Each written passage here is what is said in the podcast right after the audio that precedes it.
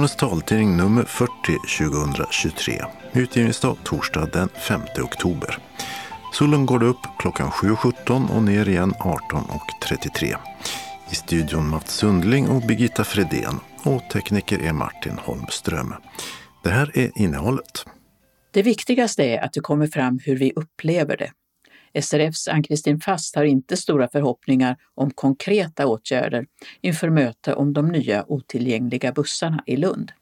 Nästa år får vårdtagare i Höganäs köpa de flesta hjälpmedel själva. Vi kan visa var, säger kommunen, men funktionshinderorganisationer protesterar. Regeringen godkänner förslaget från Myndigheten för tillgängliga medier om att ta hand om distributionen av region och kommuntaltidningar. Men fortfarande mycket oklart när det kan bli verklighet. När Ryssland invaderade Ukraina portades de och Belarus från Paralympics. Men nu får de vara med igen. Synskadades riksförbund vill ha fler medlemmar. Nästa vecka börjar en kampanj i hela landet och i Skåne. Måleri, textil och rätten till ledsagning. Ja, det var några av ingredienserna på en utställning med synskadade konstnärer och konsthantverkare i Stockholm. Öppnat och stängt med kommunhus och kulturbolag. Evenemangstips med lycka, korv och syntolkad dans. Kalendern med val, val och Elvis. Anslagstavlan med meddelanden och ändringar i kollektivtrafiken. Och idag har den tre lokala tavlor. Och allra sist redaktionsrutan. Så mycket sämre. Ja, det var den omedelbara reaktionen från många med funktionsnedsättningar när de nya bussarna och det nya bussnätet togs i bruk i Lund i augusti. De nya bussarna har inte fällbara säten vid rollatorplatserna och ledarhundarna får inte plats vid de prioriterade sittplatserna. De nya hållplatserna saknar bänkar och vindskydd. På torsdag i denna vecka är Skånetrafiken inbjuden till Lunds funktionshinderråd där SRF-representanten Ann-Kristin Fast är en av dem som vill ställa frågor. Hur har det gått till att det blev så här? Och vad kan man göra nu? För det, nu tycker jag det pratas mest om hållplatserna och trängseln vid, vid stationen. Och nu stod i tidningen idag någon insändare, tror jag det var, om eh, att man borde ha bänkar vid de här hållplatserna för de är ju liksom på ställen där man inte tidigare har haft eh, hållplatser. Så det, jag tycker det har fått fokus på det som är, har blivit dåligt utanför bussarna och inte så mycket i det här med inredningen. För alltså som jag tänker, det är inte lätt att sätta in eh, de här fällstolarna för de är ju avgörande eh, så här i efterhand. Det är alla bussarna, om det nu är 38 bussar eller vad det var, det är ganska många bussar. Alla, eh, alla bussarna är ju nya och alla de här sex sittplatser är det nog egentligen som är borttagna. Ska man köpa nya bussar? Alltså hur, hur är tanken där? Alltså sånt undrar vi ju klart. Och plus att man vill lägga kraft bak att det här är inte rimligt. Sen vet jag inte vad vi har för maktmedel att sätta bakom från handikapporganisationerna och eh, från Lunds kommun. Alltså det är ju Skånetrafiken som Skånetrafikens bussar. Men är hållplatserna något som ni från funktionshinderorganisationerna också tycker fungerar dåligt eller är det mest inredningen som, som ni är missnöjda nej, med? Nej, jag tror att alltså det här yttre är ju jättedåligt så det är, är ju intressant för oss och absolut för oss också. Det har ju gått en, en sån hast och de nya hållplatserna är ju liksom inte helt lätta att hitta och, och då om, om jag åker från Klostergården till stan då går jag av liksom på ett ställe där det är väldigt mycket gångtrafikanter ungefär vid Hennes och Mauritz. Och, och, eh, det är klart att jag kan lära mig att det är dit jag kommer men det är ju ingen lätt miljö och där finns absolut inga bänkar eller vindskydd eller något sånt. Och sen ska man åka åt andra hållet så ska man gå på bussen vid Indiska så de kanske kommer att få mycket besök där när folk står och väntar helt oskyddade liksom utan, ute på gatan. Då. Det, det fanns ju tidigare sådana här tak över. Och, ja, där finns något i gatan som man kan känna var, var bussen ska stanna. Men jag har också lite för att veta om de gör det riktigt. alltså de här markeringarna i trottoaren finns. Tror du att eh, det här mötet då med Funktionshinderrådet och Skånetrafiken och kommunen kommer att ge något eller? Alltså det, man, det enda jag tänker det kan ge, och det kanske inte är oviktigt, är att, att man lägger kraft bak. Att det kommer fram hur man upplever det, att man kan lägga kraft bak detta, kraft alltså till då chefen på kollektivtrafik, han Johan Johansson går med och hon från Skånetrafiken. Men det är klart, jag, alltså de, de menar nog att de jobbar på. Och det är det, vi vet ju inte hur de jobbar på. Och ni vet inte om det är möjligt om man tänker på bussinredningen? Nej. Det måste ju gå att installera fällstolar igen, men det kanske inte är helt enkelt. Skånetrafiken hänvisar ju till att fällstolar inte är säkra. Nej, det är kanske bättre att stå där och hålla sig i en ramp, en sån där eh, från taket. Det hänger, det hänger ner fler sådana, jag kommer inte på vad de heter. Nej, alltså det, jag vet inte. Man spänner ju inte fast sig och det är klart att eh, om man tänker man sitter på en sån någon häftig inbromsning så kanske man skulle kunna föra framåt och sen när man far tillbaka så har fällstolen fällt upp sig eller så. Men nej, jag, jag vet inte om de har hört talas om att något sånt händer. Ja, nej, det verkar, det verkar ett tveksamt argument. Men det är väl det de har hittat kanske. Ja, vad finns det för forskning på skaderisken med fällbara säten? Och vad gäller egentligen för inredning i stadsbussar? Vi har talat med myndigheter, branschorganisationer och forskningsinstitut och inte hittat någon forskning om vilka eventuella skador fällbara säten orsakar. Vad gäller krav på tillgänglighet i bussar hänvisar många till reglemente 107. Det är utfärdat av UNECE, som är FNs ekonomiska kommission för Europa. De tillgänglighetskraven fokuserar mest på begränsad rörlighet, skriver Ann-Sofie Mast, pressansvarig på Transportstyrelsen, sedan hon talat med myndighetens sakkunnige utredare Bo Nilsson, som befinner sig på semester. Kraven handlar om att det ska finnas plats för åtminstone en rullstol och en barnvagn och att det ska finnas prioriterade säten nära en dörr. Fällbara säten får finnas, men får inte inkräkta på rullstolsutrymmet eller begränsa framkomligheten i gångar och vid dörrar. Däremot finns inget krav på att det ska finnas fällbara säten, skriver Ann-Sofie Mast på Transportstyrelsen. Högst politiskt ansvarig för Skånetrafiken är Karina Sackau, moderat ordförande i kollektivtrafiknämnden och hon säger så här om hur man ska agera nu. Dels så tittar vi på på vilket sätt har vi har vi på något vis avvikit från den standard som, som finns när man gör upphandlingar. Det vill säga när vi upphandlar bussar och, och så, så finns det både en nationell standard och en standard som är eh, e EU-standard. Eh, och den förutsätter jag att vi håller oss till i, i, i Region Skåne. Sen har jag förstått att en av problematiken är just ledarhund. Och då har det väl varit en, en eh, diskussion hos oss, eh, eller rättare sagt man hade gjort en avvägning att man ville gärna ha så bred gång som möjligt i bussen för att rullatorer och rullstolar ska kunna liksom ta sig fram i, i bussen på ett bra sätt.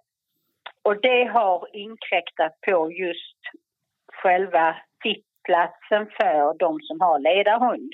Och, och det, får vi, eh, det håller vi på att titta på hur, hur vi ska kunna lösa på ett bra sätt. Men i övrigt förutsätter jag att vi har hållit oss till den standard som är som sagt både nationell och internationell att följa. Sa Karina Sackau, moderat ordförande i Region Skånes kollektivtrafiknämnd. Vi hörde också Ann-Kristin Fast, en av SRFs ledamöter i Lunds kommunala funktionshinderråd. Reporter var Birgitta Fredén. Socialnämnden i Höganäs beslutade under sitt septembersammanträde att enklare hjälpmedel som toalettförhöjningar, strumppådragare och rullatorer inte ska förskrivas av kommunen utan att det ska vara upp till vårdtagarna att köpa dessa själva. Helsingborgs Dagblad rapporterade om reformen under rubriken Höganäs slutar dela ut hjälpmedel och den samlade funktionshinderrörelsen har protesterat. Maria Tidal är moderat och ordförande i socialnämnden. Vi kommer att sluta att förskriva enklare hjälpmedel som inte kräver förskrivning. Som vad då till exempel? Eh, som till exempel griptänger, eh, strumpådragare, förhöjningsdynor kanske och eh, rullatorer är med där. Men rullatorer är ju ganska kostsamma saker. Är det verkligen ja. meningen att den enskilde ska köpa den? Jag tror att, att det kan många göra, de flesta göra. Och vi kommer att ha vi kommer att se till att lösa att alla vet hur man gör och var man kan köpa och var man får hjälp och titta vad som finns. Eh, det håller förvaltningen nu på att titta på hur det ska se ut för det här är ju tänkt att starta den 15 januari. Och det kommer fortfarande finnas en möjlighet att förskriva dessa hjälpmedel om eh, behoven är så stora att professionen som jobbar med det här bedömer att här behöver vi förskriva hjälpmedel. Och då är det fortfarande eh, så att man betalar enligt det abonnemang på 72 kronor i månaden som vi har för andra hjälpmedel som förskrivs. Men vad är skillnaden då? För eh, tidigare har ju man väl förskrivit hjälpmedel efter behov som du säger, om behoven är stora? Ja, men man har nog för, man har nog förskrivit, alltså de här hjälpmedlen som vi tar bort nu, där enligt de lagar som, som finns som styr detta så krävs det inte att man förskriver dessa hjälpmedel. Att de förskrivs är för att det är så det har gått till. Eh, var vänder man sig för att få hjälpmedel? Man vänder sig till kommunen. Idag så kommer man då få veta att ja, för den typen av hjälpmedel så får du dem från kommunen förskrivet. Eh, och är inte dina behov så stora så att du fortfarande, fortfarande behöver förskriva dem så, så kommer vi att tala om var man kan köpa dem någonstans. Enligt Marie Tidal kommer inte kommunen att spara några stora pengar på att sluta förskriva enklare hjälpmedel. Detta för att kommunen redan idag tar ut en avgift på 72 kronor i månaden oavsett vad hjälpmedlen kostar. Kanske kommer man till och med gå back på det kontot när den inkomstkällan minskar drastiskt. Det man istället hoppas på är att arbetsterapeuterna får mer tid över till annat än pappersarbete och att det i så fall kommer vårdtagarna till godo. Dock måste kommuner fortfarande hjälpa människor att hitta rätt hjälpmedel för deras behov och uppemot en tredjedel av vårdtagarna är flerhandikappade eller dementa med små möjligheter att på egen hand välja rätt i utbudet bland de privata leverantörerna. Men Marie Tidal tror ändå att reformen är rätt väg att gå.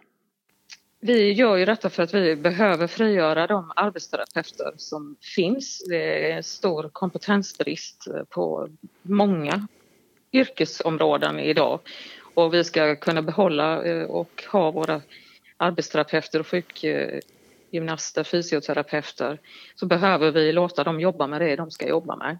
Och vi, vi behöver ha dem till fler personer för att förebygga stödbehov. Så det är det som är, är anledningen till att, att vi gör detta. Vi behöver göra detta. De har suttit för mycket med pappersarbete med de här förskrivningarna då menar du? Ja. Mm. ja. Marie Tidal, moderat ordförande i socialnämnden i Höganäs. Ordförande i DHR Höganäs är den före detta socialdemokratiska riksdagsmannen Bengt Silverstrand och han är kritisk. Ja, DHR har tillsammans med eh, några andra funktionshinderföreningar eh, reagerat mycket starkt mot det här.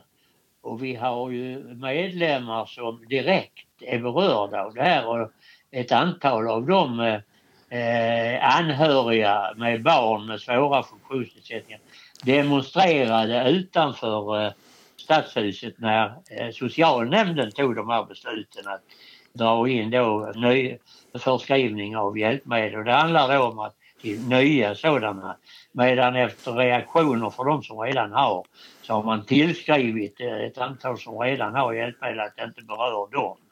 Men vi tycker ändå att det här är mycket allvarligt och reagerar mot detta tillsammans med att man vill privatisera den personliga assistansen utan möjligheter att välja eh, det kommunala alternativet som många är nöjda med idag. Eh, vi fortsätter att arbeta mot det här eh, Och vi jobbar tillsammans med andra funktionshinderföreningar. Och vi har då ett sammanträde inför varje möte i det kommunala funktionshinderrådet och i det rådet så finns ju då, förutom vi då eh, eh som representerar rörelsehindrade, så har vi också synskadade och flera andra funktionshinderföreningar. Och vi har ett mycket gott samarbete bland annat då med Hans Olin som är företrädare för synskadade i Höganäs kommun. Bengt Silverstrand, DHR-ordförande i Höganäs. DHR utlästes tidigare som de handikappades riksförbund, men idag står bokstäverna för delaktighet, handlingskraft och rörelsefrihet. Reporter var Per-Axel Jansson. I framtiden ska taltidningar användas för att ge personer med syn och läsnedsättningar tillgång till textbaserade allmänna nyhetsmedier och tidskrifter med samhälls och nyhetsjournalistik. Det föreslår regeringen i sin budgetproposition att riksdagen ska besluta. Och det betyder att det som tidigare gällt om den statliga taltidningsverksamheten, alltså att den bygger på dagstidningar, inte längre ska gälla. Och det här är precis vad Myndigheten för tillgängliga medier, MTM, föreslog i en utredning som blev klar för två och ett halvt år sedan. Ulf Wickman jobbar med taltidningar på MTM.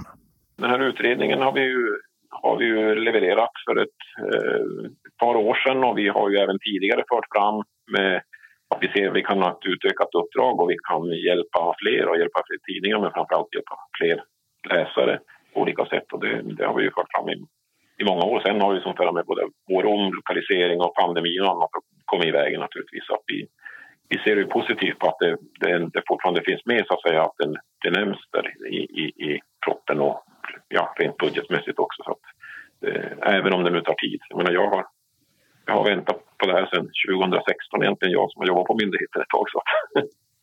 Men helt säker på hur taltidningsverksamheten ska se ut framöver kan man inte vara, trots formuleringarna i budgetpropositionen, säger Ulf Wikman.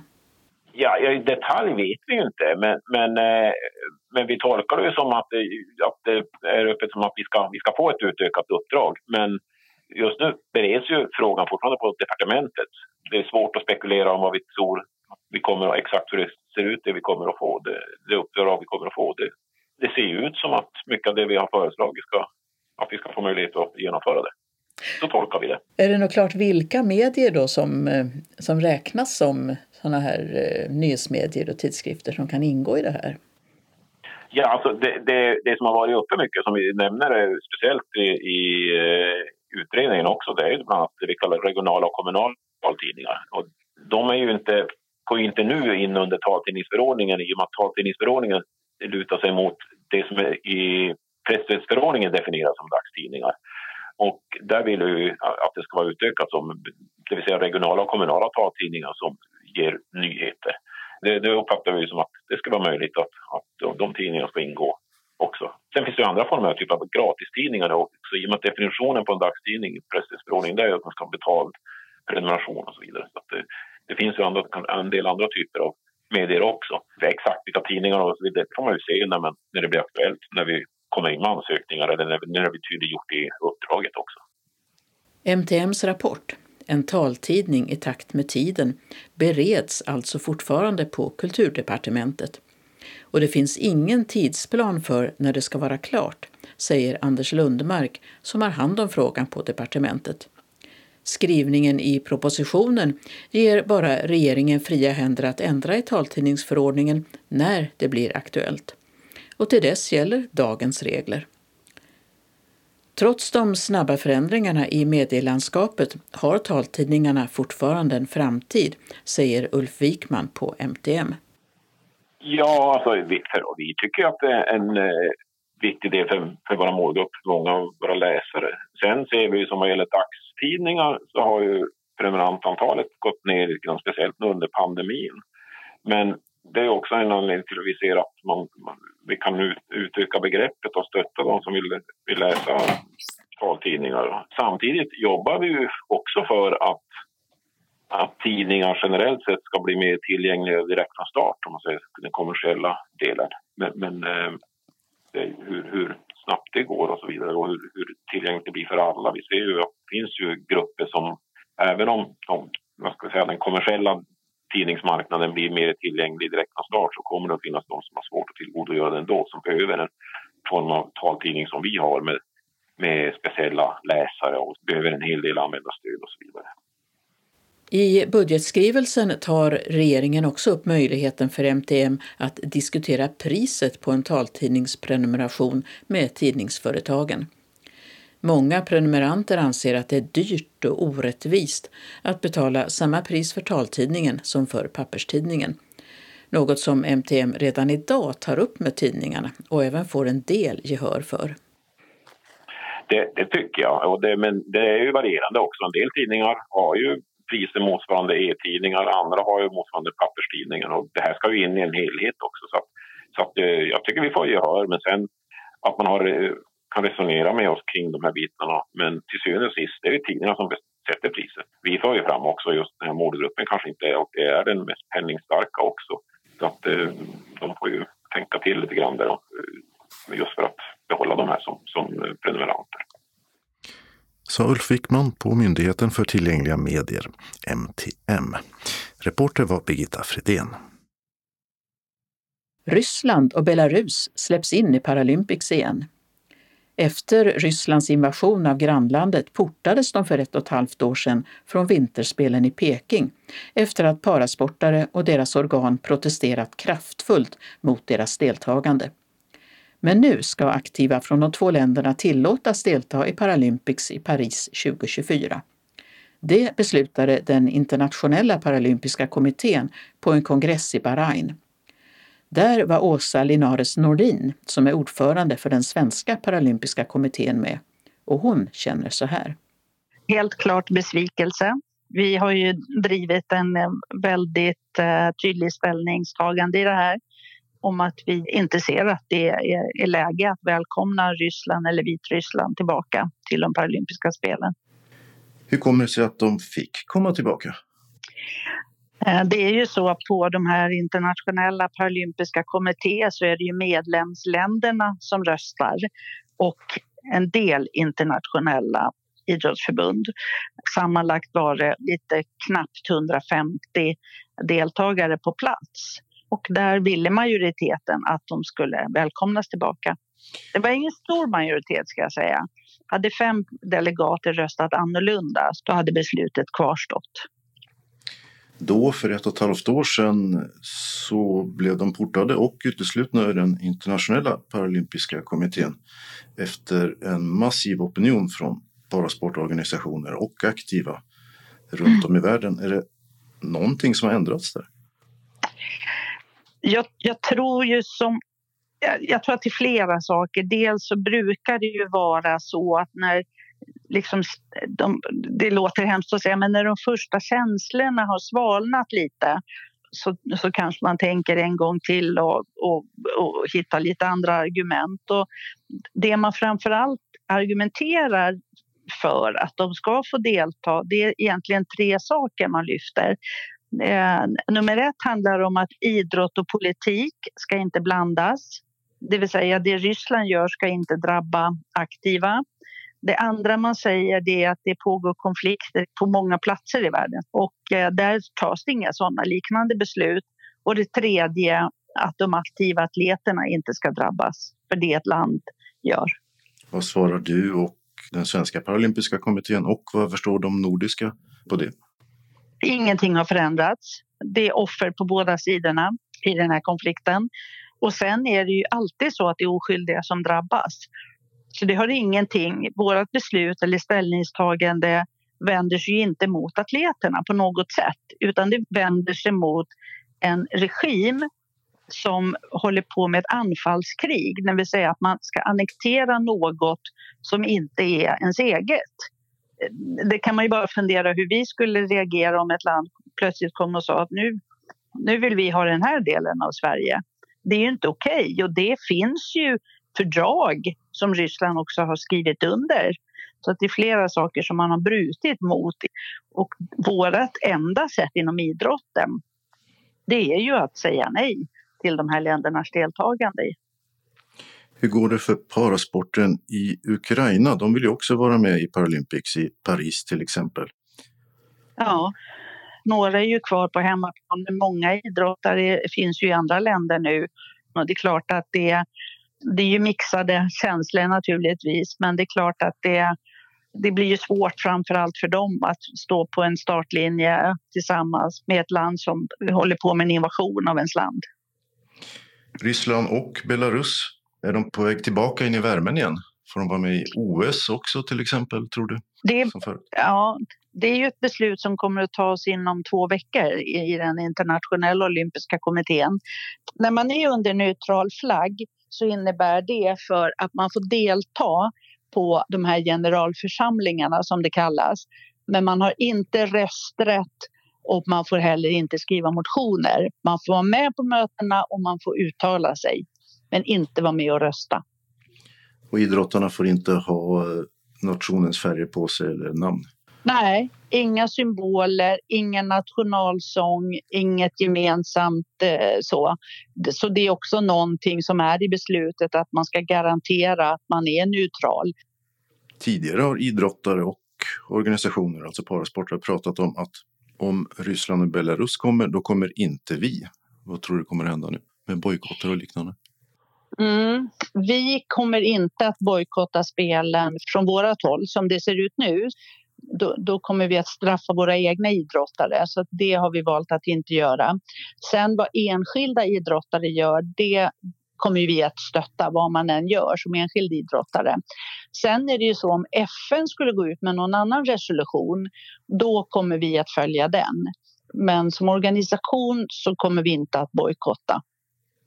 Sista ordet sagt i den här frågan? Det tror jag inte. Det sa Åsa Linares Norlin, ordförande för den svenska paralympiska kommittén och för Parasport Sverige. Reporter var Mats Sundling. På måndag börjar en medlemsvecka inom Synskadades riksförbund i hela Sverige då distrikt och lokalföreningar ordnar olika evenemang med syfte att göra SRF synligt och framförallt att värva medlemmar. SRF Skåne planerar två utåtriktade aktiviteter den veckan. Det berättar ombudsman Anna Balte. En på C4 Shopping i Kristianstad den 9 oktober och en på Väla utanför Helsingborg den eh, 10 oktober. Eh, som riktar sig till allmänheten egentligen då så att man ska få prova på att bli ledsagad i butiker bland annat. Och så kommer vi att stå där och dela ut informationsmaterial om SRF och eh, man har även möjlighet då att bli medlem på plats, fylla i blankett och bli medlem på plats. Eh, det är ju miljöer där vi kan visa ganska tydligt på behovet av ledsagning till exempel. Ett köpcenter är ju inte det lättaste att navigera i när man inte ser. Så det är ju en ganska konkret sak man kan visa. Och just att det även kan, kan stå där och förhoppningsvis träffa på mycket folk som, som ändå passerar oss. Vilken tid är det här? Eh, det är klockan 14.00 till 18.00 båda dagarna. Alltså det är ni på SRF Skåne som arrangerar de här två evenemangen så att säga? Det är det. Det är ju några ledamöter ur distriktsstyrelsen som har ansvaret för att eh, planera det hela med stöd av oss ombudsmän. Då. Eh, så det kommer ju vara några medlemmar och några ledsagare från distriktet på plats båda dagarna. Vi kommer ju även ha hjälp av medlemmar från respektive lokalförening på båda ställena. Så att eh, på C4 kommer ju Knut Torstensson vara med till exempel som är ordförande i eh, SRF Kristianstad Bromölla. Och vem kommer att vara på Väla då? Från eh, Västra? Eh, det kommer nog Christer H Persson från SRF Västra Skåne att vara. Vad är er förhoppning med de här två evenemangen eller arrangemangen? Ja, förhoppningen är ju att vi ska synas, att vi ska nå ut till så mycket folk som möjligt och att vi förhoppningsvis får i alla fall några nya medlemmar, synskadade och eller stödjande. Hur många medlemmar skulle ni hoppas på att kunna rekrytera? Ja, svårt att säga, men eh, ja, ett tiotal kanske per dag om man har tur.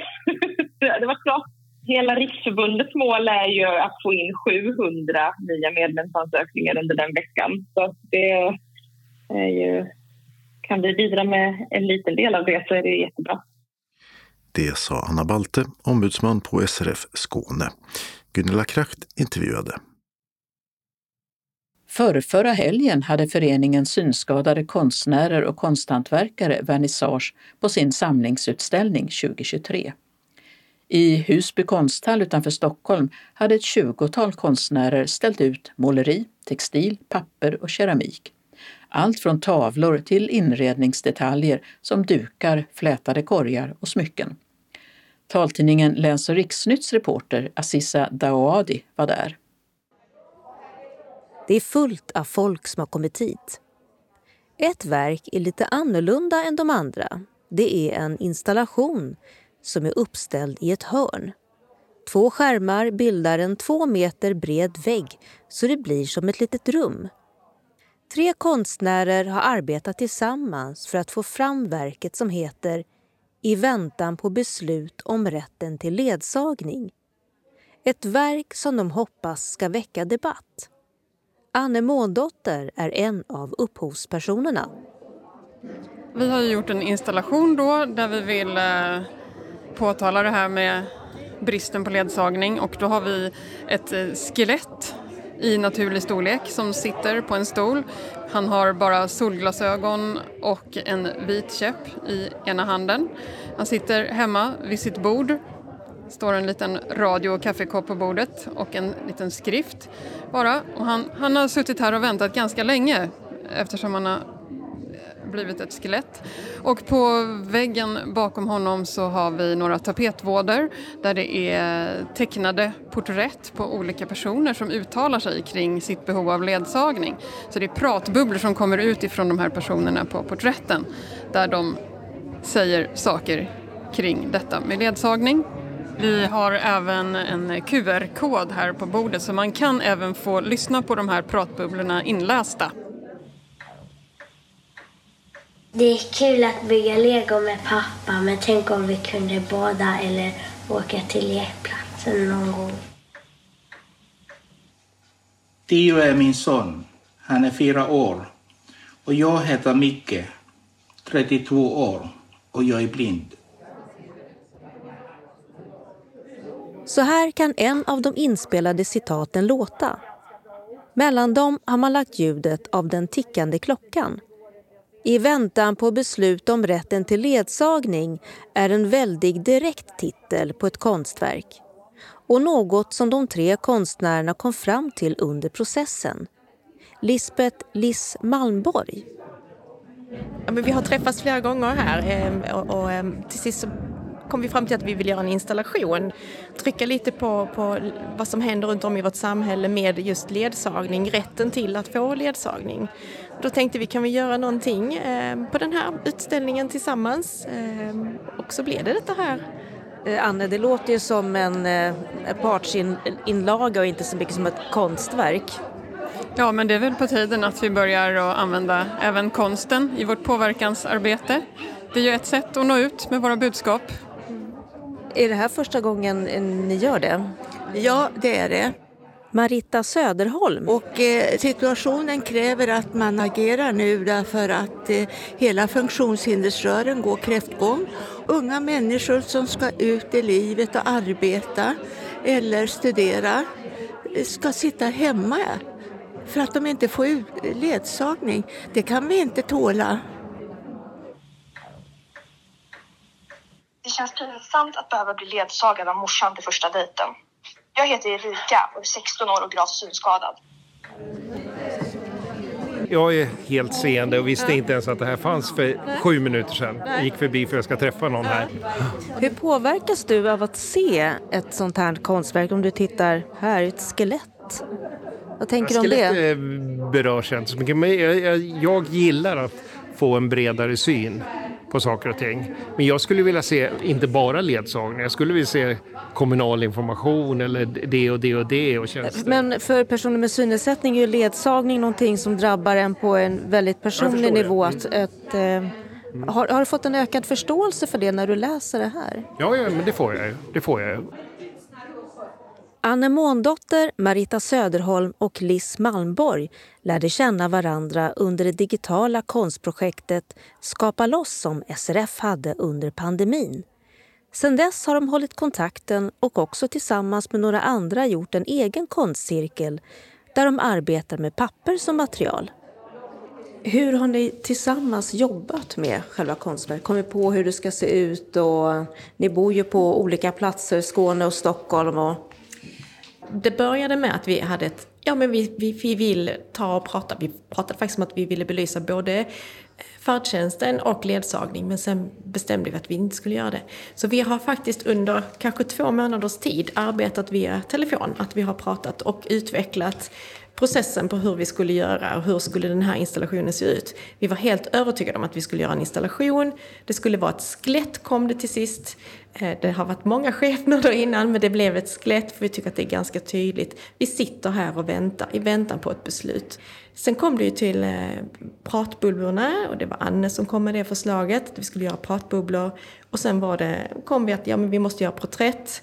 Sen har vi varit lite oeniga hur vi skulle göra och hur det skulle se ut, men vi bestämde att vi träffas. Så jag har åkt upp här till Stockholm, jag kommer ju från Skåne. Och vi spenderar en hel helg tillsammans där vi eh, skapade loss helt enkelt och ritade de här eh, ramarna. För det, för det är ju ramar på, det här, eh, på de här planscherna eller tapetvårderna som vi har gjort.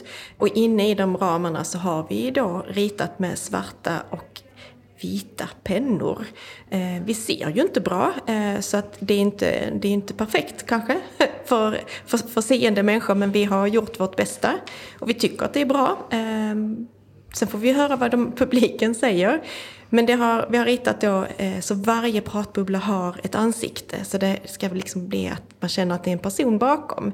Och som jag har, då, jag har intervjuat väldigt många människor inför detta de här citaten som ni har, eh, pratbubblorna, är det verkliga människor? Ja, de är tagna från eh, riktiga människor. Men är det några ni känner? Ja, det är flera vi känner. Marita, hur har ni eh, gått tillväga för att få tag i de här, för det är dokumentära då, citat? Vi har ju kännedom om de som har fått avslag och vi blir också kontaktade eller vi har någon vän som känner en vän som har, blivit, har fått avslag. Så det är, finns gott om eh, personer som vill berätta. Jag tänkte något citat är från en 16-åring som inte vill ha med sig eh, morsan på, på en dejt. Är det en, eh, i det här fallet en tjej som finns? Vi har valt att eh, göra en del anonyma som ville vara det och då har de fått vara det. Är ålder och situation rätt? Ja, ja, ja det är det. Absolut. Anne Måndotter. Rent konkret när vi gjorde porträtten så kom ju Lisbeth på en eh, smart idé att vi, vi köpte en färdig passepartout i mått så vi kunde bara rita ramarna utefter den. Och sen hade vi även den att hålla oss till så att då, utan att se särskilt mycket vad vi gjorde så kunde vi rita porträtt inuti den här ramen. Liksom. Mm. Men hur var det då, inte se så mycket och, och, och ja, försöka få... Vi hade, vi hade åldern, vi hade könet och sen följde sig bara självklart vad vi skulle rita inne i ramarna. Men, men hur mycket ser ni då för att det skulle vara möjligt att, att göra? Tillräckligt. Ja, jag vill nog också säga att eh, Anne var ju den som var mest tveksam eh, först. Att kan jag? jag? Jag ser ju inte. Så sa men har du skissat för? Ja, alltså då kan du. Kan man skriva eh, innan man såg dåligt så kan man också skriva när man ser dåligt. Och det är likadant för henne. Så att hon eh, fick träna och träna. Så att det blir ju många, vi har många prover, eh, prover där hemma, jättefina saker. Men vi tränade innan eh, och sa att ja men det här ser bra ut. Och så tog vi glasögon på och tittade lite och så. Eh, så att eh, det, så är det. Och jag har, jag har ritat ansikte, fast jag inte ser detaljer så har jag hållit på att rita ansikte länge och tycker det är jättekul. Eh, men det blir ju inte likadant. Det blir inte två likadana ögon. Det blir inte likadana öron. Det blir inte likadant på den ena sidan som på den andra sidan. Så de blir ju väldigt personliga, våra eh, små ansikten, skulle jag säga. Mm.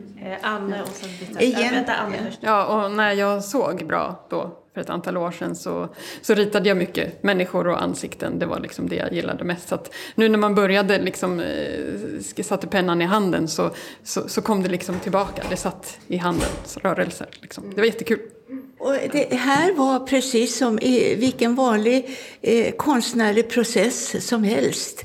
Man sitter där och undrar vad man ska göra i början. Men så är det bara att sätta igång och då blir det något. Och det här blev vårt verk den här gången. Och vad har ni för förväntningar på att det här ska leda till, Liz?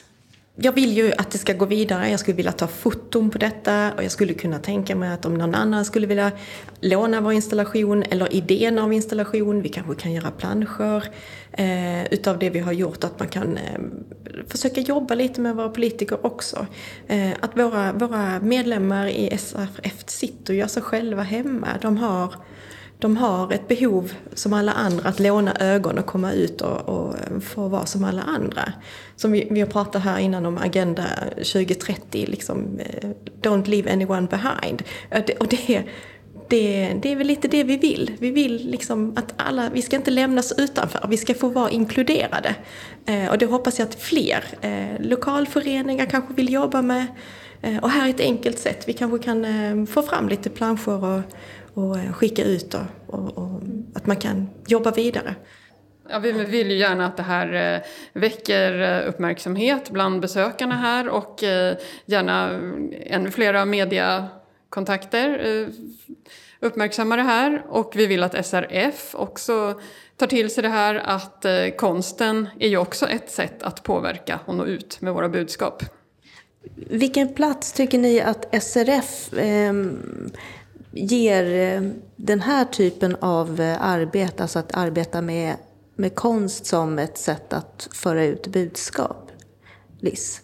Det som är viktigt tycker jag är att man tar kultur på allvar och tänker på att kultur är att det är möten mellan människor och att man eh, på så sätt eh, skapar gemenskap och att man, som i vårt fall, att vi eh, gör ett intressepolitiskt, en installation för att vi, vi vill belysa någonting. Så jag har inte reflekterat över direkt vad SRF liksom ska använda det här till, men jag hoppas att SRF tänker på att kulturen kan samarbeta och få ut ett budskap och att det ger uppmärksamhet. Så hur ska, ni, eh, hur ska ni marknadsföra det här då? Marita? Niklas Mattsson gör ju ett bra informationsjobb. Mm. Men han kan inte vara den e-, enda som, som gör det, utan vi får använda olika tekniker för information för att det ska gå ut i samhället och att det blir förändring. Vi kan inte bara höra ord. Vi vill ha handling och vi vill ha att våra kompisar som är så illa ute ska få de rättigheter de har rätt att kräva i ett demokratiskt samhälle.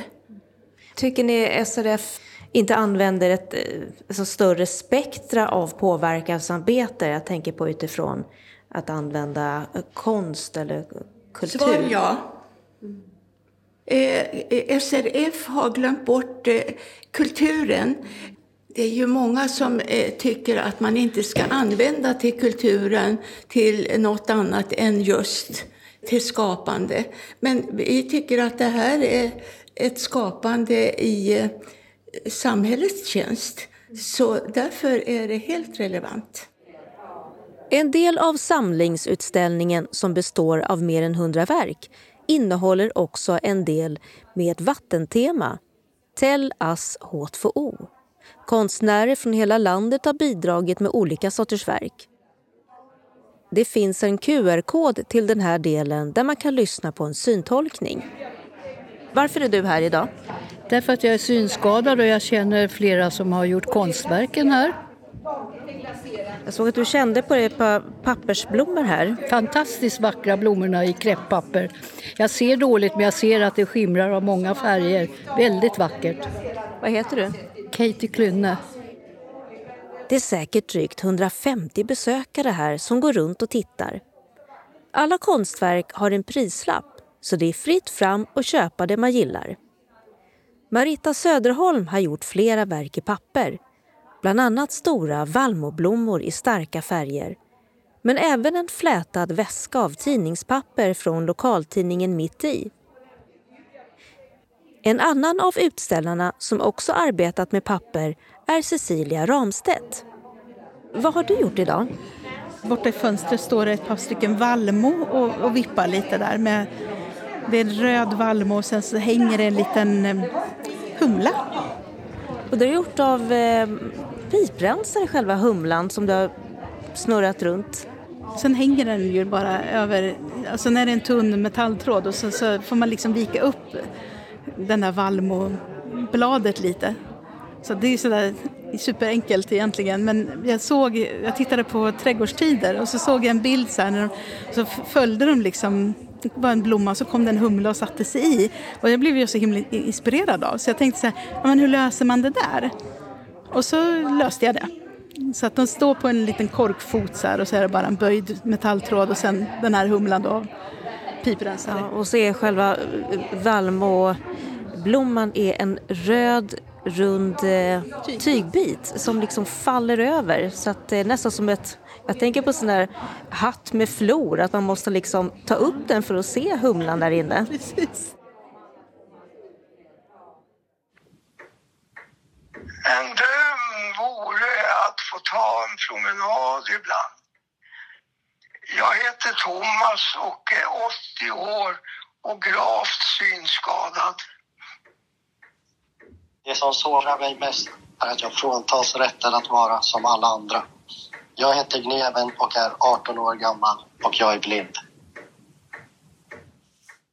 Ett ljud som fick avsluta reportaget från utställningen på Husby konsthall med synskadade konstnärer och konsthantverkare. Den hade sin sista öppet dag i helgen.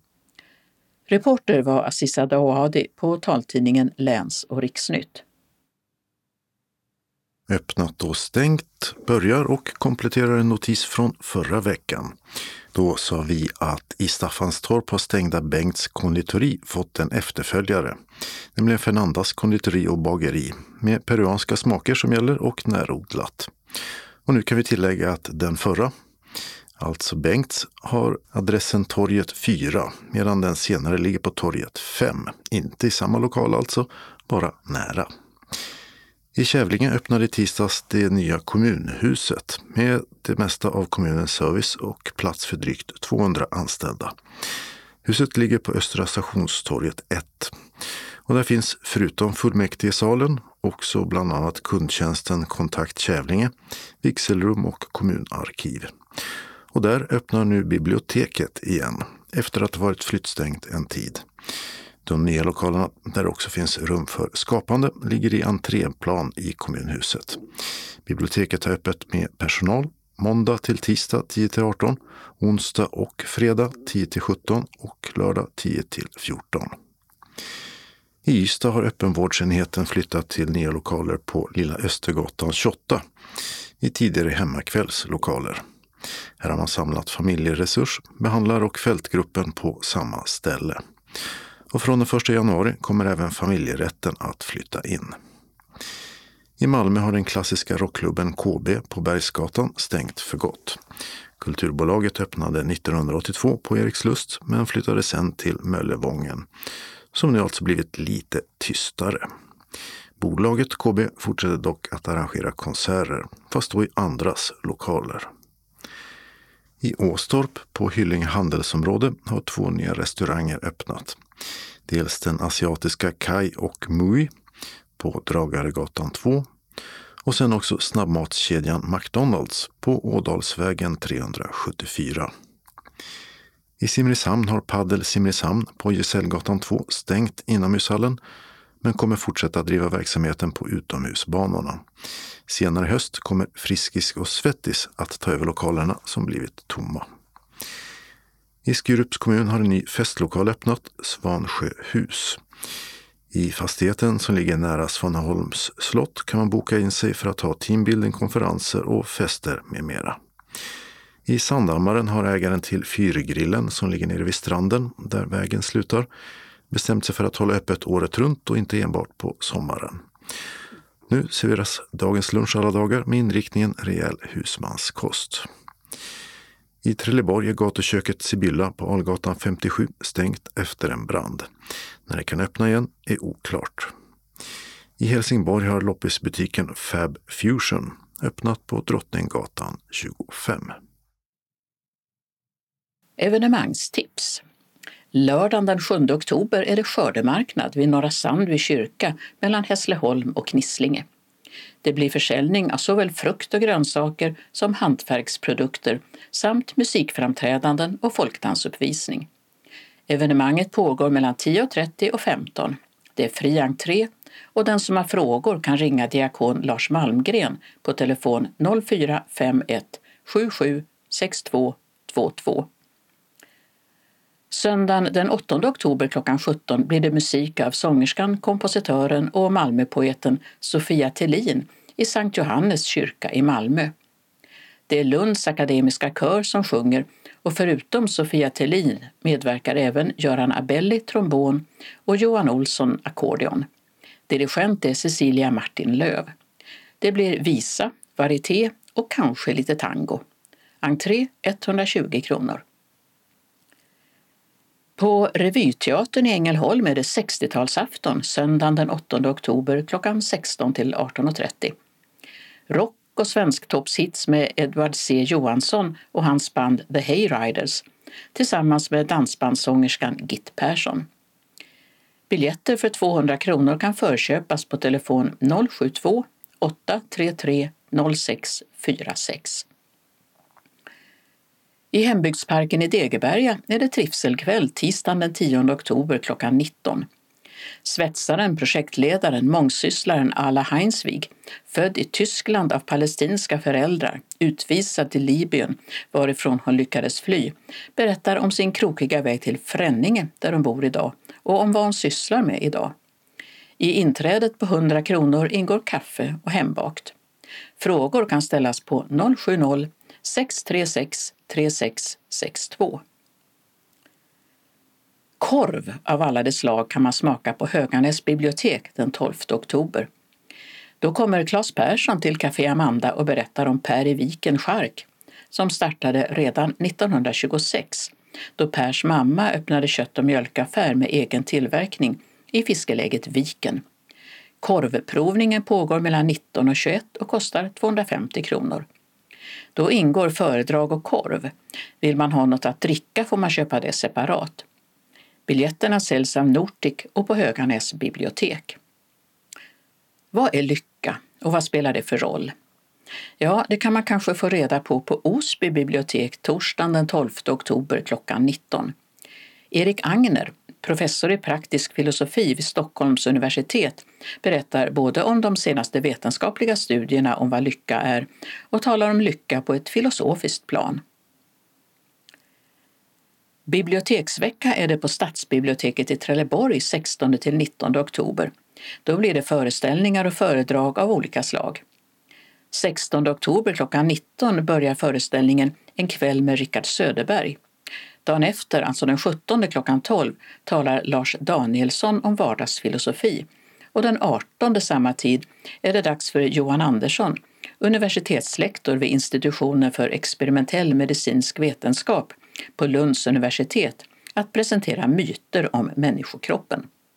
Den 19 klockan 12 berättar journalisten och författaren Göran Holmqvist om sitt arbete med att skriva den hittills enda boken om musikern Peps Persson som läste, korrigerade och kompletterade manuskriptet innan han gick bort för två år sedan. En annan skånsk legendar handlade om klockan 19 samma dag för då blir det en föreställning om Nils Poppe med hans fru och son Gunilla och Thomas Poppe. Föredragen är gratis, men biljetter till föreställningarna kostar 120 kronor och finns hos Nortic. Fullständigt program finns på bibliotek.trelleborg.se.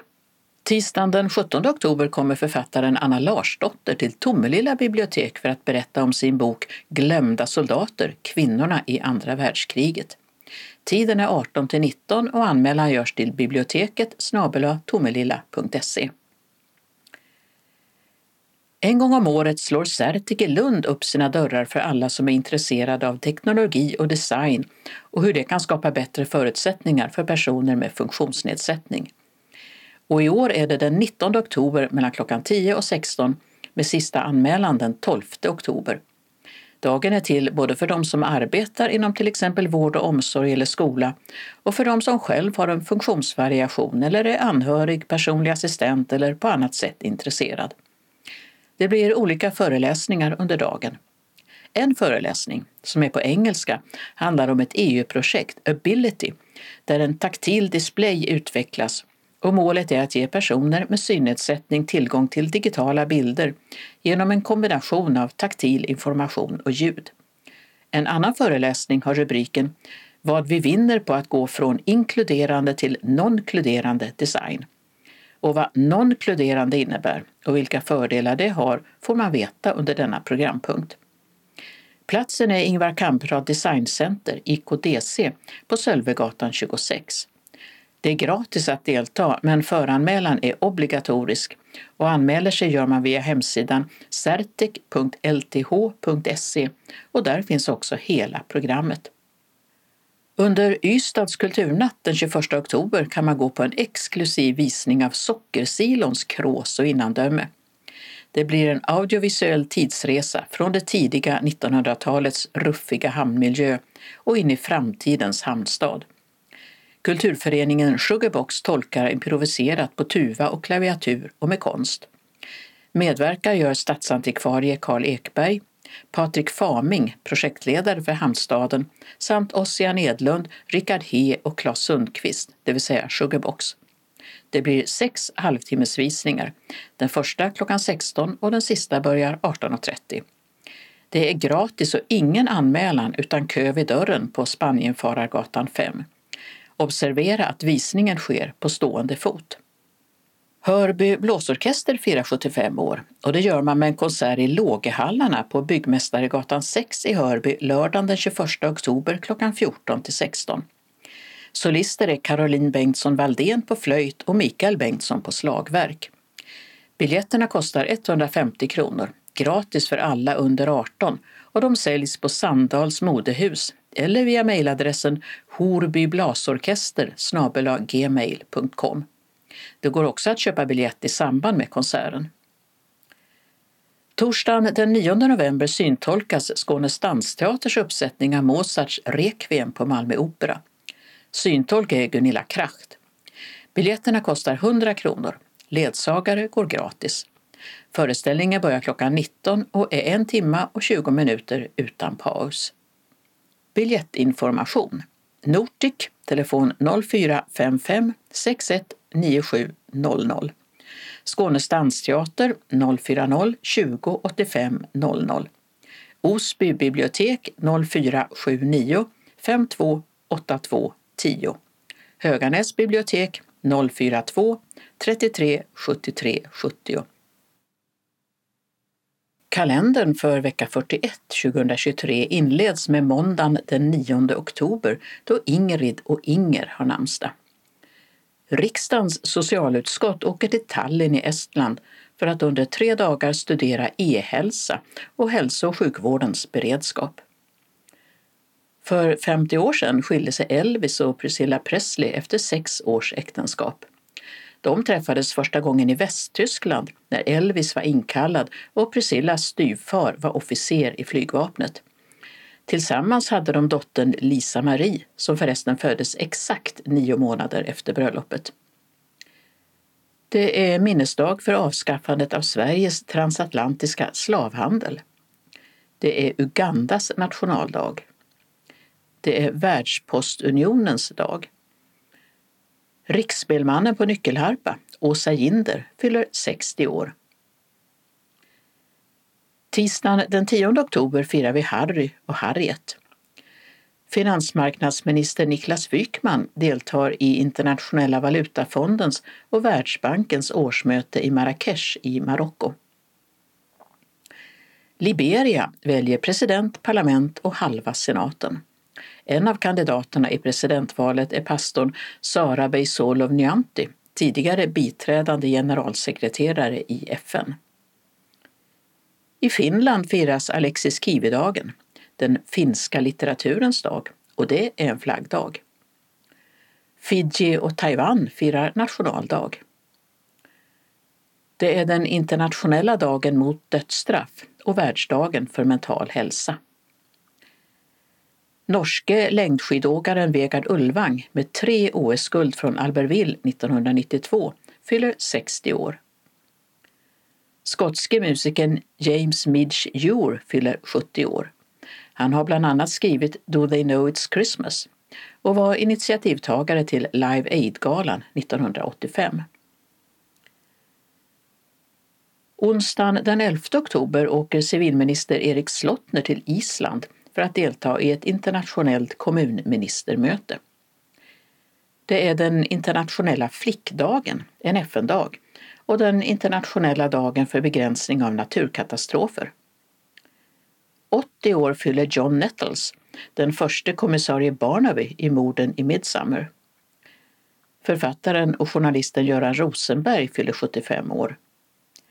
Vi gratulerar Erling och Jarl på namnsdagen. Torsdagen den 12 oktober är det internationella ögondagen, eller världssyndagen, instiftad av Världshälsoorganisationen WHO. Det är också den internationella reumatikerdagen. Spanien firar nationaldag liksom Ekvatorialguinea. I Gibraltar, den lilla brittiska enklaven på spanska fastlandet, ska alla 17 ledamöterna i parlamentet väljas för första gången någonsin genom e-röstning, alltså ett digitalt val. Valfrid och Manfred har namnsdag. Fredagen den 13 oktober gratulerar vi Berit och Birgit. Lördagen den 14 oktober är världsdagen för synskadade. I gamla tider räknades denna dag som den första på vinterhalvåret och på de gamla runstavarna evighetskalendrarna utmärktes dagen med ett avlövat träd. Det är parlamentsval i Nya Zeeland, eller Aotearoa som landet heter på maori. Idag har Labour egen majoritet i parlamentet, mycket beroende på den tidigare premiärministern Jacinda Ardens skickliga hantering av covid-pandemin. Hon har dock avgått och i opinionsmätningarna leder nu center-högerpartiet The National i Nya Zeeland har varje medborgare två röster i parlamentsvalet, en för parti och en för person. I Australien hålls en folkomröstning om att ändra landets grundlag så att urbefolkningarna ska få större inflytande. Idag nämns de överhuvudtaget inte i grundlagen. Förslaget innebär att aboriginerna och folken på öarna i Torressundet mellan Australien och Papua Nya Guinea ska bilda ett organ som ska ge råd till parlamentet, men inte få någon politisk makt. Exakt hur det ska se ut avgörs inte förrän efter omröstningen. Den tidigare kejsarinnan av Iran, Farah Pahlavi, född Faradiba, fyller 85 år. Hon var gift med den siste shahen, Mohammed Reza Pahlavi, och de gick i landsflykt i samband med den islamiska revolutionen 1979. Skådespelerskan Maria Lundqvist fyller 60 år. Hon har gjort ett stort antal roller men är kanske mest känd som bibliotekarien Sally i tv-serien med samma namn. Det är Stellans namnsdag. Söndagen den 15 oktober är det Vita käppens dag. I Polen är det val till parlamentet. Enligt opinionsmätningarna är det mycket jämnt mellan lag och rättvisa som styrt landet i åtta år och under den tiden inskränkt såväl pressfriheten som domstolarnas självständighet. Och oppositionspartiet Medborgarplattformen som leds av den tidigare premiärministern och ordföranden i Europeiska rådet Donald Tusk och som vill se ett bättre samarbete med EU.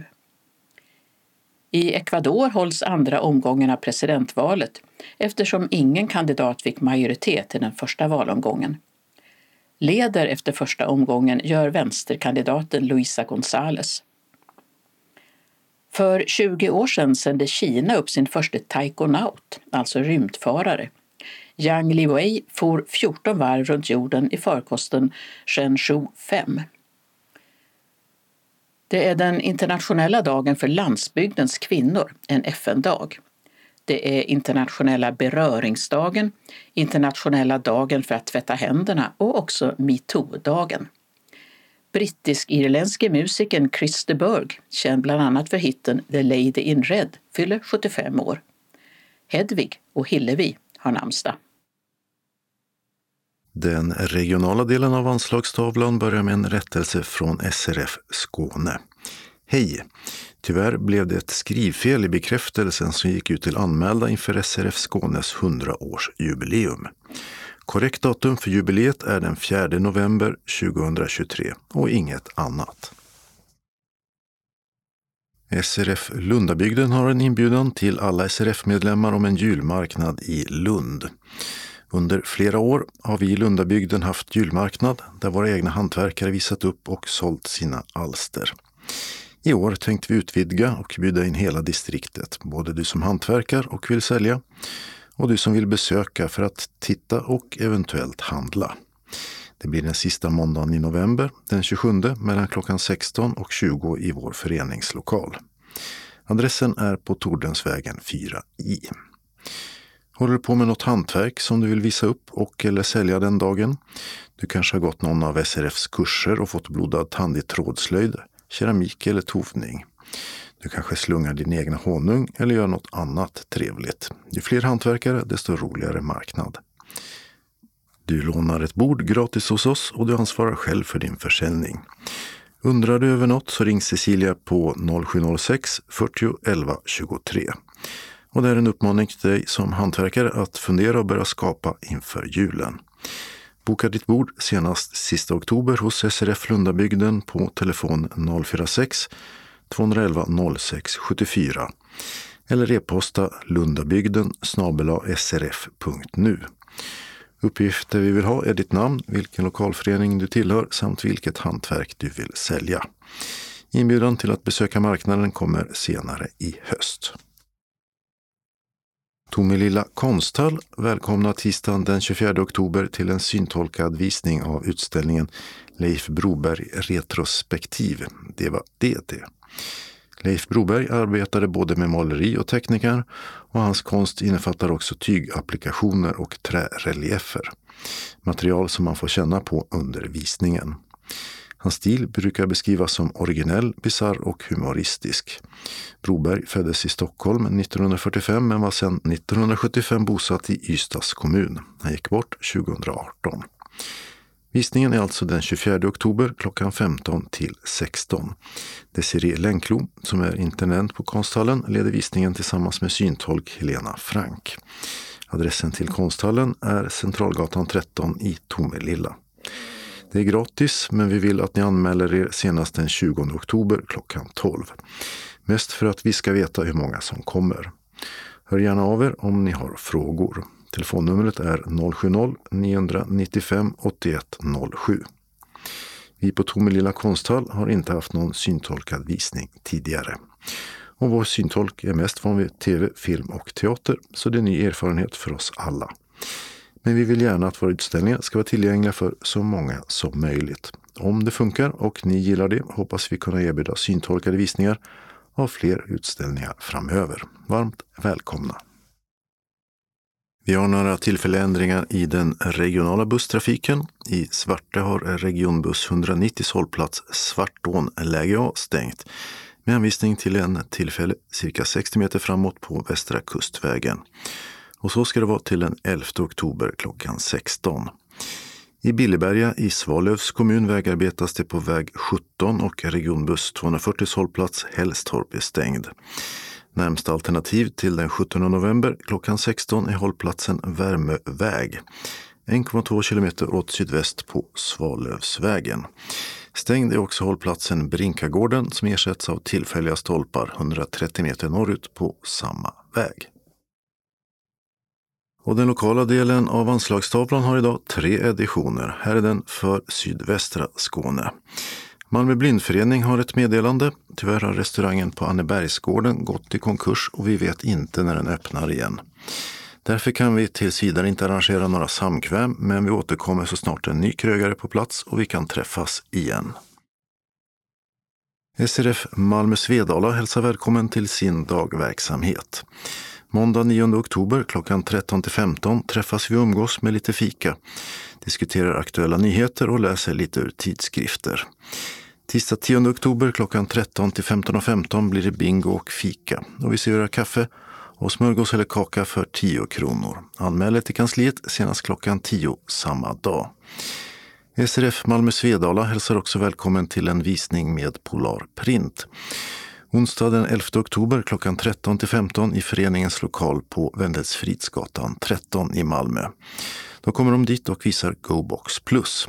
Den har en inbyggd talsyntes och kan läsa upp texter från vilken kanal eller tjänst som helst på din TV. Plusmodellen kan även förstora texten upp till två gånger samt förstärka kontrasten.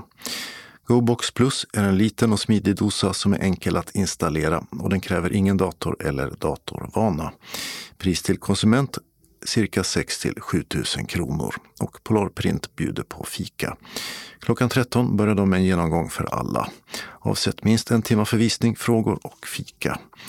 Är du intresserad anmäl dig till kansliet 040-25 05 40 eller mejla info srfmalmo.se senast måndag den 9 oktober. Glöm inte att meddela specialkost eller allergi välkommen. SRF Malmö Svedala välkomnar också till guidad busstur i Malmö fredag den 13 oktober.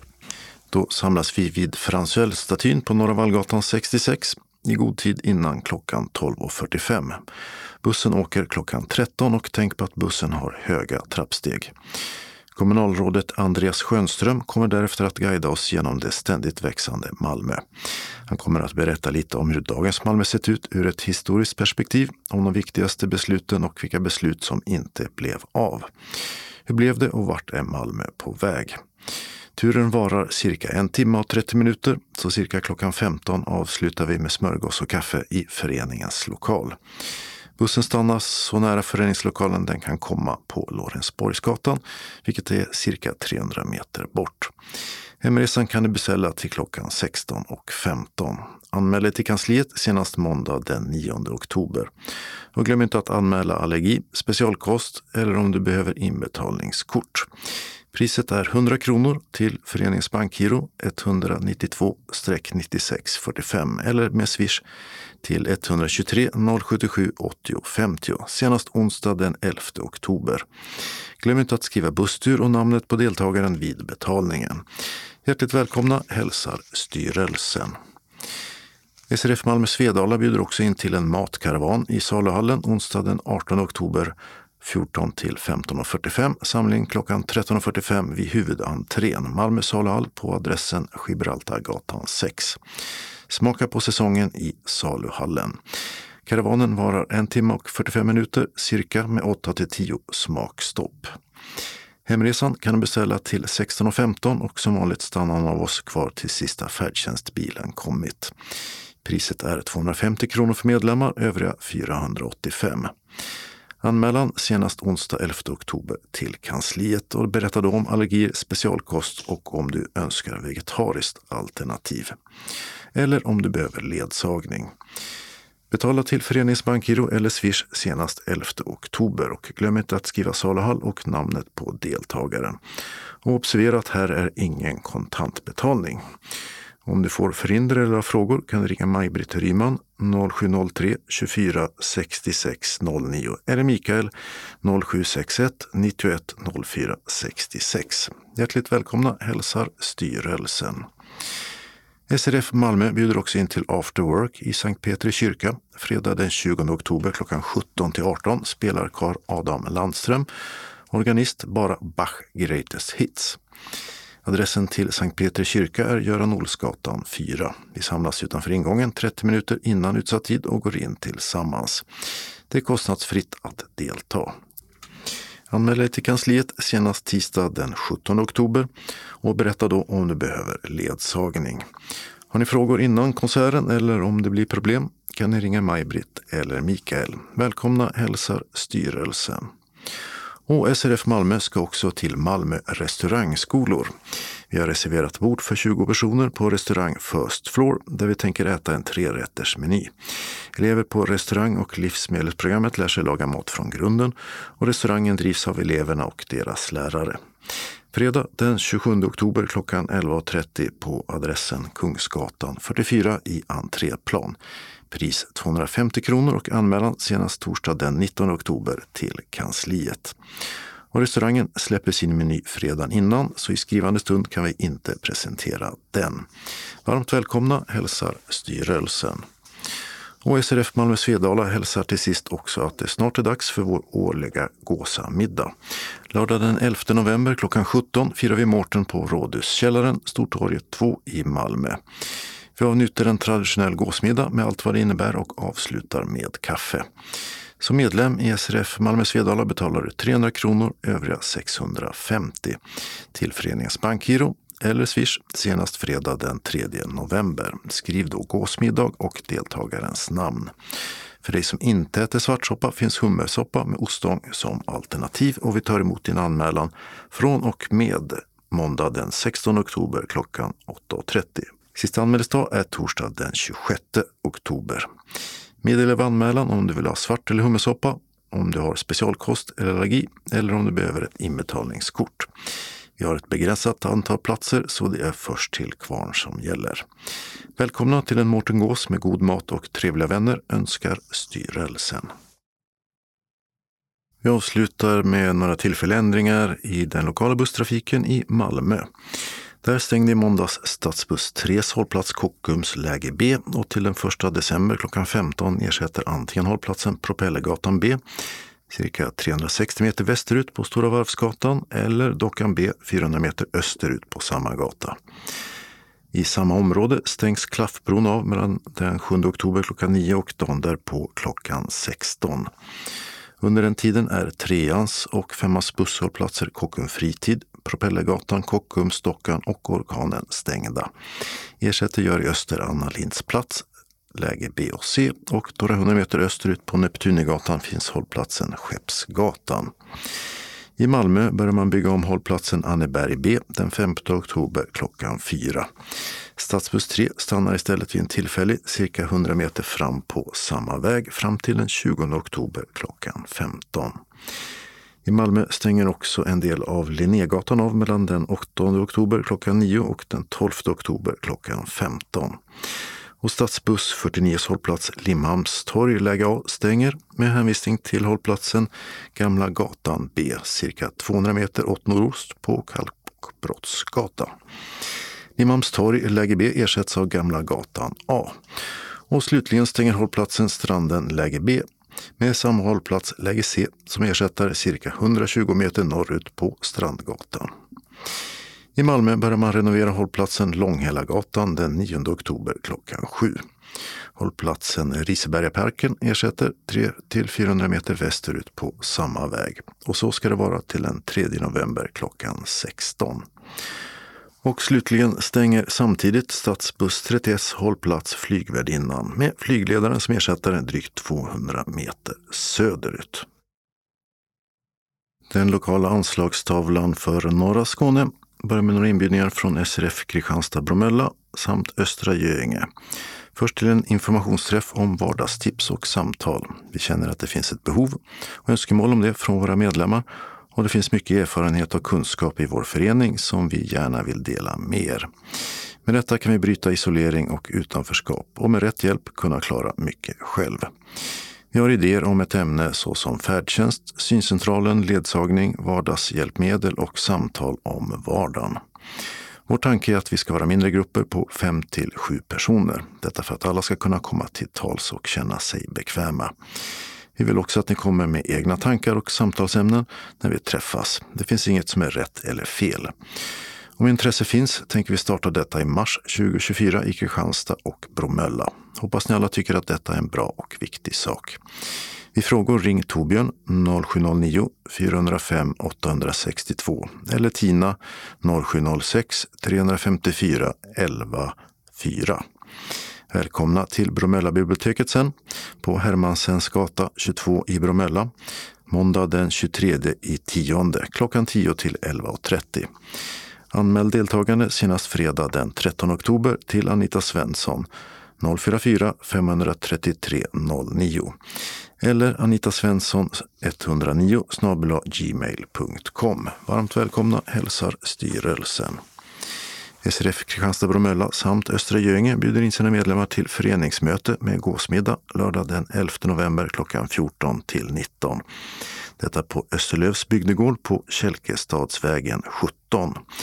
Dagen börjar med mötesförhandlingar om budgeten och verksamhetsplanen för 2024. En kort bensträckare hinner med före klockan 15.30 då middagen serveras. Kockarna har lagat svartsoppa eller alternativ soppa, stekt gås med tillbehör. Efterrätten består av äpplekaka och vaniljsås. I priset ingår vatten eller lättöl. Önskas annan dryck kan man ta det med sig. Buss avgår från Bromölla och Kulturpunkten klockan 12.30. Kristianstad resecentrum, parkeringen norr om tågstationen klockan 13. Kristianstad Sommarlust Coop 13.15 och återresa klockan 19. Anmälan senast den 27 oktober till Anita Svensson. Uppgift med anmälan, namn och aktivitet samt matallergi, vilken soppa som önskas samt om det finns behov av ledsagare och var du vill stiga på bussen. Anmälan är bindande. Handlingarna till mötet kommer senare. Kostnaden är 350 kronor som betalas in efter anmälan på bankgiro 899 92 45 eller swisha 12 33 66 93 48. Uppge vid inbetalningen namn och aktivitet. Varmt välkomna till en skånsk gåsamiddag och vår gemensamma planering för 2024.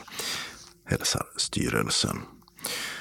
HSRF Kristianstad Bromölla och Östra Göinge bjuder in medlemmarna till ljusstöpning tisdag den 21 november i Råby byahus med adress Knattevägen 50 i Bromölla.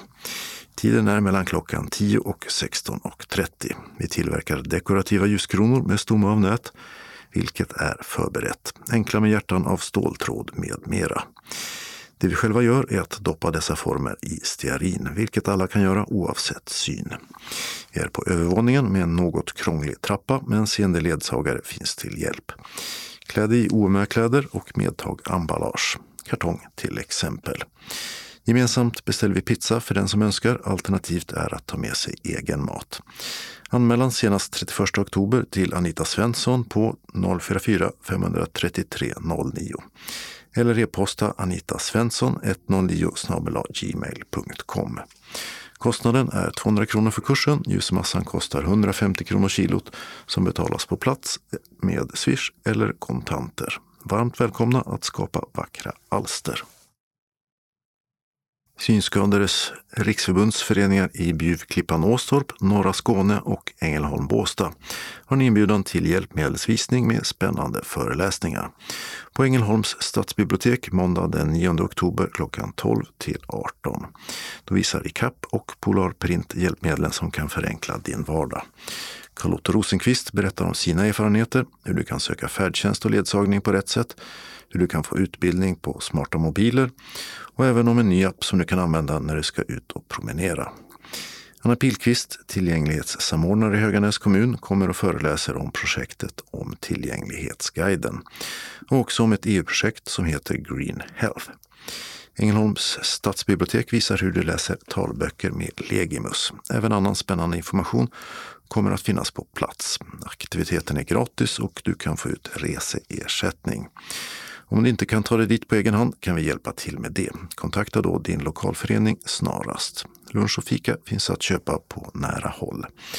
För mer information kontakta någon av oss. För SRF Norra Skåne, Anna-Lena Pekkile 070-36 00 647 e-post alp.ledarhund gmail.com för SRF Bjuvklippan Åstorp Bjarne Kristensen på 070-518 40 17 eller e-posta brosengard med två an 55 snabela outlook.com eller SRF Ängelholm Båstad på 0431 30 59 69. E-posta då info srfeb.se.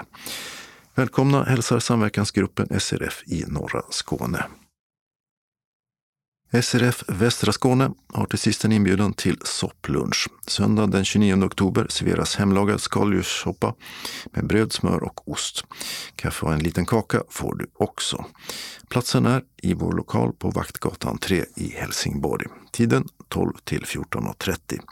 Och priset är 60 kronor per person som betalas vid bordet.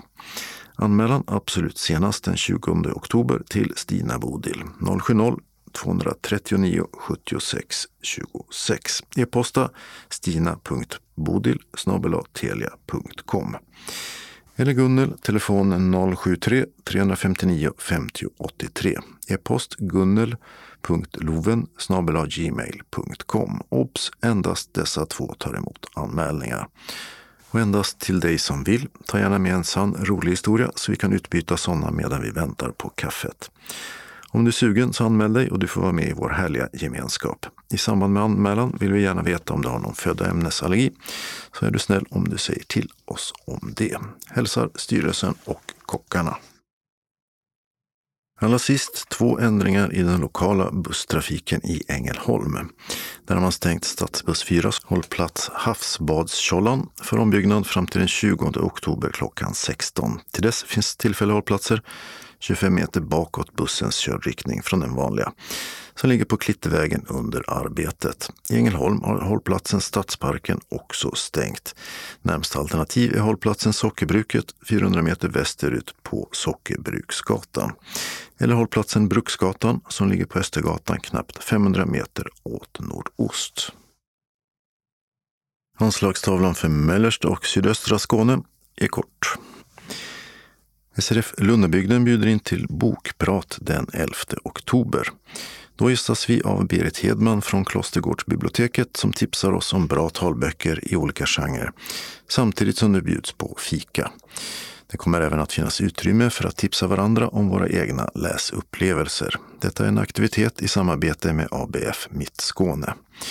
Detta klockan 13.30 till 15. Sista anmälningsdag 9 oktober. Och du anmäler dig till kansliet på 046 211 06 eller e-posta lundabygden srf.nu. Så en inbjudan till SRF Ringsjöbygdens medlemmar. Den 16 oktober är ni välkomna till Karidal klockan 17.30 till 19.30. Denna kväll ska vi höra om GSM grundkurs i smarta mobiler. Det finns även chans att pröva och känna på den nya mobilen Capsys Smart Vision 3. Har du någon fundering om projektet eller har en fundering om din egna mobil? Ställ frågan.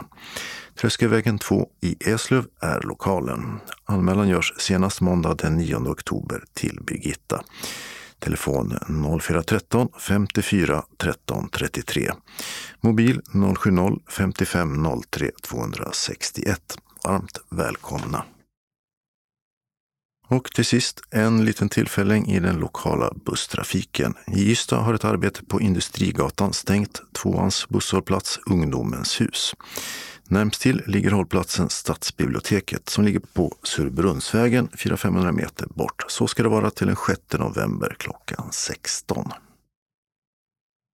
Och det var allt vi hade att komma med denna vecka. Nästa nummer nästa torsdag den 12 oktober. Skånes taltidning ges ut av Region Skånes psykiatri och habiliteringsförvaltning. Ansvarig utgivare är Martin Holmström. Postadress Jörgen Ankersgatan 12, 211 45 Malmö. Telefon 040-673 0970. E-post Skanes taltidning snabela skane.se och hemsida skanestaltidning.se. Observera att CD-skivorna inte ska skickas tillbaka till oss. Såväl skivor som kuvert kan läggas i brännbara sopor när ni inte längre vill ha dem. Vi hörs igen. Hej då!